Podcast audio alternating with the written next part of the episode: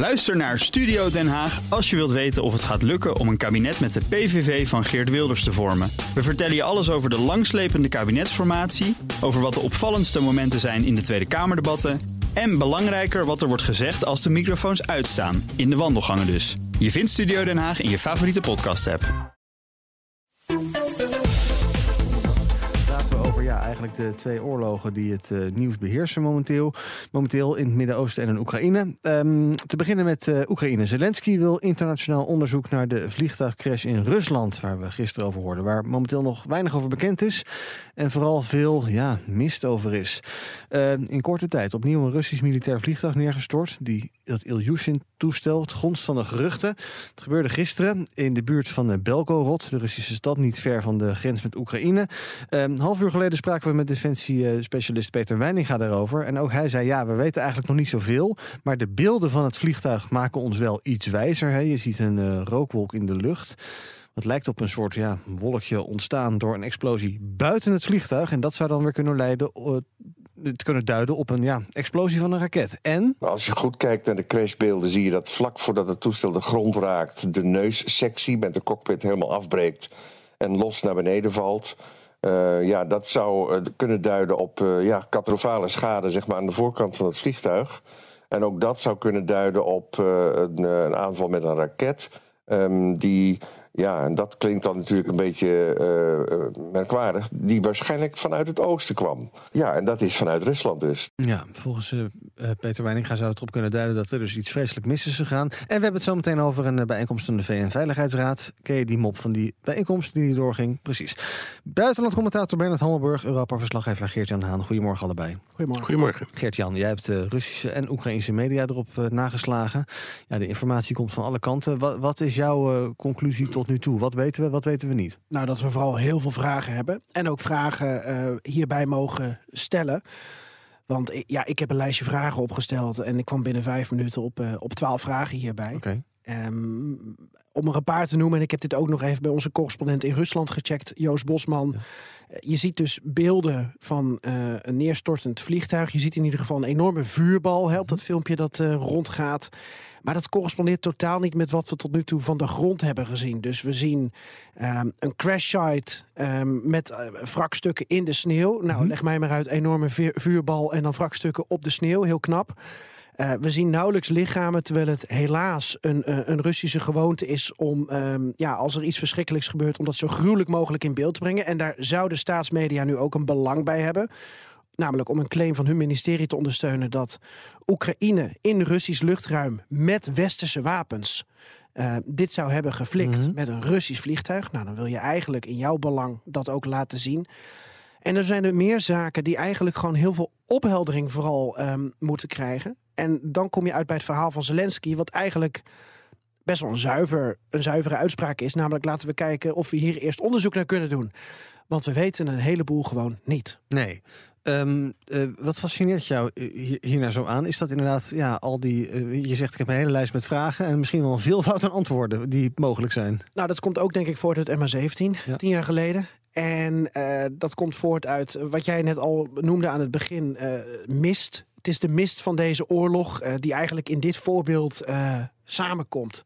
Weet je, dat de waarheid als eerste sneuvelt. Dat we totaal niet weten wat hier nou van waar is. Peter Weininga die ook zegt, als je naar de beelden kijkt... kwam de raket misschien wel vanuit Rusland zelf. En het toestel dat vloog misschien wel naar Moskou. En we weten dat Rusland een, een traditie heeft tussen haakjes... om uh, niet de waarheid te spreken en om desinformatiecampagnes te voeren dat Oekraïne het mijns inziens vaker bij het juiste eind heeft dan niet bij het juiste eind. Ja. Maar ook Oekraïne is met een dubbelzinnige verklaring naar buiten gekomen. En geeft geen opheldering van zaken. Ze zeggen we moeten eerst onderzoek doen. Nou prima. Maar ze zeggen ook, ja, we kunnen niet bevestigen, maar nog ontkennen dat we er iets mee te maken hadden. En er zitten meer gekke dingen in hun verklaring. Dus wat zich nou hier heeft afgespeeld van beide kanten, roept het vooral vragen op. Bernard, wat is uh, jouw indruk ook van het verhaal van Geert-Jan? Wat je het hoort, de beelden die je ziet. Ik ken jou ook ja. als uh, luchtvaart geïnteresseerde en deskundige. Ja, wat maak jij ervan? Ja, mijn belangstelling gaat vooral uit naar vliegtuigen die vliegen. Ja. Ja, en uh, het, het, neerschieten daarvan behoort daar niet. Maar goed, hoe dan ook. het is heel ingewikkeld. Um, wat mij bijvoorbeeld opviel, was dat Oekraïne zei: ja. Um, de Russen hebben niet gemeld dat er een speciaal transportvliegtuig vloog. En dat is in het geval bijvoorbeeld van de uitwisseling van gevangenen doorgaans wel de gewoonte. Uh, dus dan zet je de transponder aan van het toestel en laat je dus zien aan, aan iedereen wie je bent en wat je doet. Dat, en Oekraïne zegt dat is niet gebeurd. Dat zou erop kunnen wijzen dat Oekraïne zegt ja en daarom hebben wij geschoten. Hè? Dat zou kunnen. Ja. Uh, en, en, ook daar zie je dan weer de parallel met uh, MH17. Want ook dat, dat, dat is iedereen het in elk geval wel over eens. Uh, ook in het geval van MH17 is waarschijnlijk niet met opzet geschoten, maar door een stommiteit. En wat, wat mij waarschijnlijk lijkt, is of dat nu een Russisch of een uh, Oekraïns projectiel is geweest. Het is in elk geval een stommiteit geweest. Ja. Ik denk niet dat iemand met opzet dat vliegtuig neer wilde halen. Een van die grote vragen die nog boven de markt hangt is: waar zijn de krijgsgevangenen waarover wordt gesproken? Er zijn dus 65 mensen kwijt. En dat is waarschijnlijk ook, zo hoor ik in ieder geval vanuit Oekraïne, de reden dat de Oekraïne nog niet met 100% verklaringen is gekomen. Want ja, uh, Belgorod, waar dat vliegtuig uh, is neergehaald, um, dat is een plek waar inderdaad uitwisselingen plaatsvinden. Mm -hmm. We weten uh, dat ook Oekraïne heeft gezegd, er had een uitwisseling gisteren moeten plaatsvinden.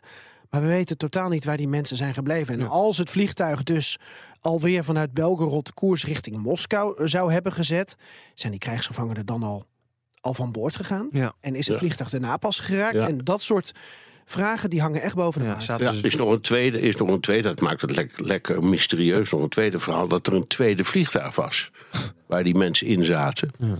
En waarvan we niet precies weten waar dat heen is gevlogen en of dat is geland. En of die mensen misschien gewoon nog in leven zijn. Ja. Het is, het is één groot mysterie. Nou, om het nog, nog ingewikkelder nou, te maken. Laatste stapje dan, ja. Misschien was dit niet eens het vliegtuig.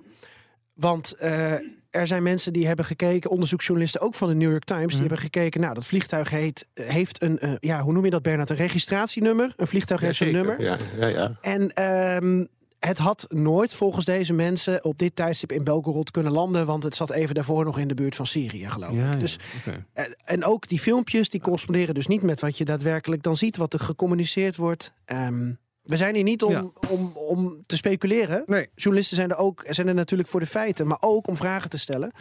En dat is eigenlijk wat Bernard en ik doen. En Ivan, jij moet het antwoord nu geven. Ja, nee, ik weet het ook niet. Het is voer voor inderdaad eh, theorieën en eh, misschien ook wel complotten die je erbij kan zou kunnen bedenken. hè, eh, allerlei kanten op, maar inderdaad vooral vragen. Nou, iemand heeft nog. ongelijk. Weten wij nou, ik moest even denken ook een beetje aan dat verhaal. Dat heeft eigenlijk niet zoveel mee te maken, maar ja, dat toestel dat met meneer Prigozhin neerkwam. Weten we nou uiteindelijk wat daar nou gebeurd is, Geert-Jan?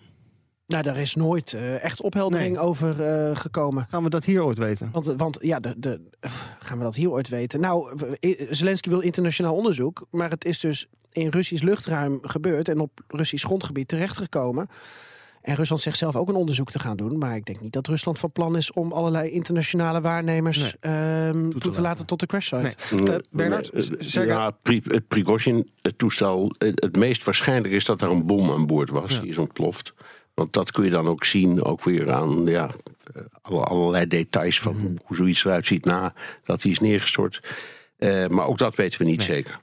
Sergei, Lavrov, de Russische minister van Buitenlandse Zaken, die heeft eh, de VN-veiligheidsraad bijeengeroepen. Maar die bijeenkomst is niet doorgegaan, Bernard? Nee, die is niet doorgegaan, maar dat is niet abnormaal. Dit is natuurlijk ook voor de, de, de Raad een bloedingewikkelde zaak. En, en Lavrov die kwam echt met een, een, al voorbereide aanval op eh, Oekraïne.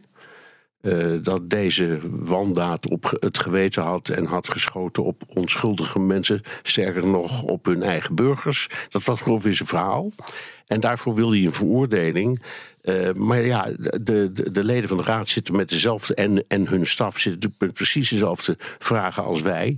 Dus eh, Frankrijk en nog een paar andere landen hebben gezegd: ja, we willen die eh, zitting best. Maar kan het een dagje later of twee dagen later, dat we ietsje meer tijd hebben om een, een indruk te krijgen van wat er nou echt is gebeurd. Dus je kunt uit dat uitstel niks afleiden.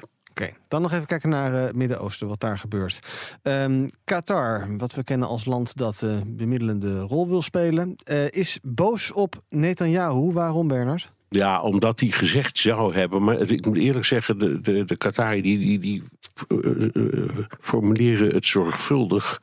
Um, want die hebben het over opmerkingen die worden toegewezen, toegeschreven aan uh, Netanyahu. Met andere woorden, ze geven Netanyahu nog een kans om het te ontkennen. Mm -hmm. Maar het komt erop neer dat hij heeft gezegd... het is eigenlijk, die mensen zijn net zo fout uh, dus dat soort woorden, als bijvoorbeeld het Rode Kruis en de, en de VN. Okay. En dat is typisch een uh, Netanyahu-uitspraak. Iedereen is fout. Um, en uh, bij de pogingen om te bemiddelen over de uitruil van gevangenen tegen gijzelaars, want daar gaat het hier over, speelt uh, Qatar een dubieuze rol.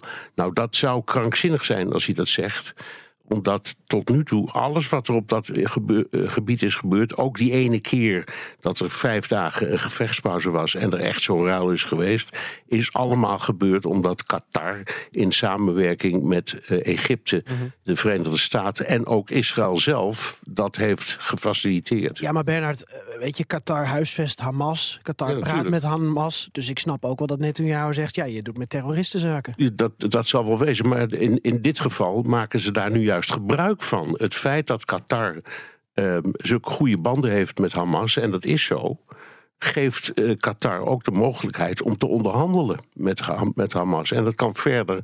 Ja, eigenlijk niemand. Niemand kan het zo goed als Qatar. Je hebt dus Qatar in deze procedure nodig. Daar is iedereen het over eens. En dan is het ongepast om, uh, om, om ze te gaan zitten uitschelden. Ja. Als het waar is. Ik denk overigens dat het wel weer overwaait. Want het grote verhaal wat erachter speelt. is: komt er een gevechtspauze van twee maanden? Want mm daar wordt dan al één, maar waarschijnlijk twee maanden. Uh, waarin dan de, de gijzelaars kunnen worden uitgeruild tegen een enorme hoeveelheid Palestijnse gevangenen. Uh, er zitten er nog uh, iets van 6000 in Israëlische gevangenissen. En uh, ik hoor van verschillende bronnen daar dat ze zeggen: Dit is voor ons zo belangrijk. Wat ons betreft mogen die alle 6000 worden losgelaten. Daar zitten ook de meest gruwelijke moordenaars bij. Maakt allemaal niet uit. Wij willen die gijzelaars terug en dat is de eerste prioriteit. En daar heb je Qatar voor nodig. Een vraag nog: ik zag dat Erdogan en Raisi gisteren elkaar ontmoeten hebben. Turkije en Iran dus. En die zeggen: Ja, we moeten uh, toch wel de spanningen daar in het Midden-Oosten, die moeten niet escaleren. Welke rol kunnen die twee spelen, Bernard? Nou, ik denk dat, het, dat dat dan. Dat heeft met verschillende dingen te maken, maar ook met wat zich afspeelt uh, bij de Rode Zee. Um, en uh, ik, ik denk dat um, ook Turkije zich grote zorgen maakt over het scheepvaartverkeer. Mm -hmm. Want daar heeft het zelf ook altijd belang bij.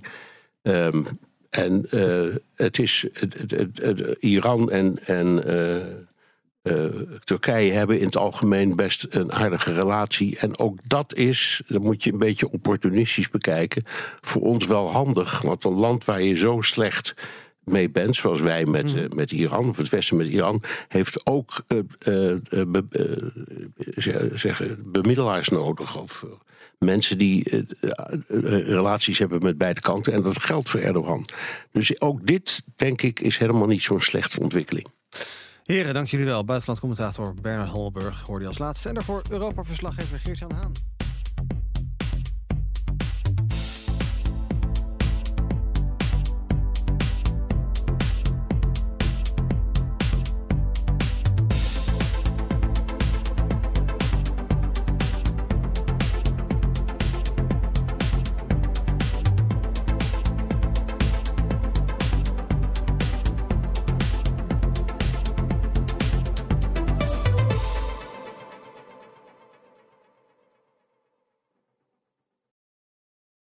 Ook Liesbeth Staats vind je in de BNR-app. Ja, heel handig. Luister live naar Kees en mij tijdens de Daily Move. Dan blijf je ook gelijk op de hoogte van breaking news en het laatste zakelijke nieuws. En daar vind je ook alle BNR-podcasts, waaronder de Perestrooikast. Download nu de gratis BNR-app en blijf scherp.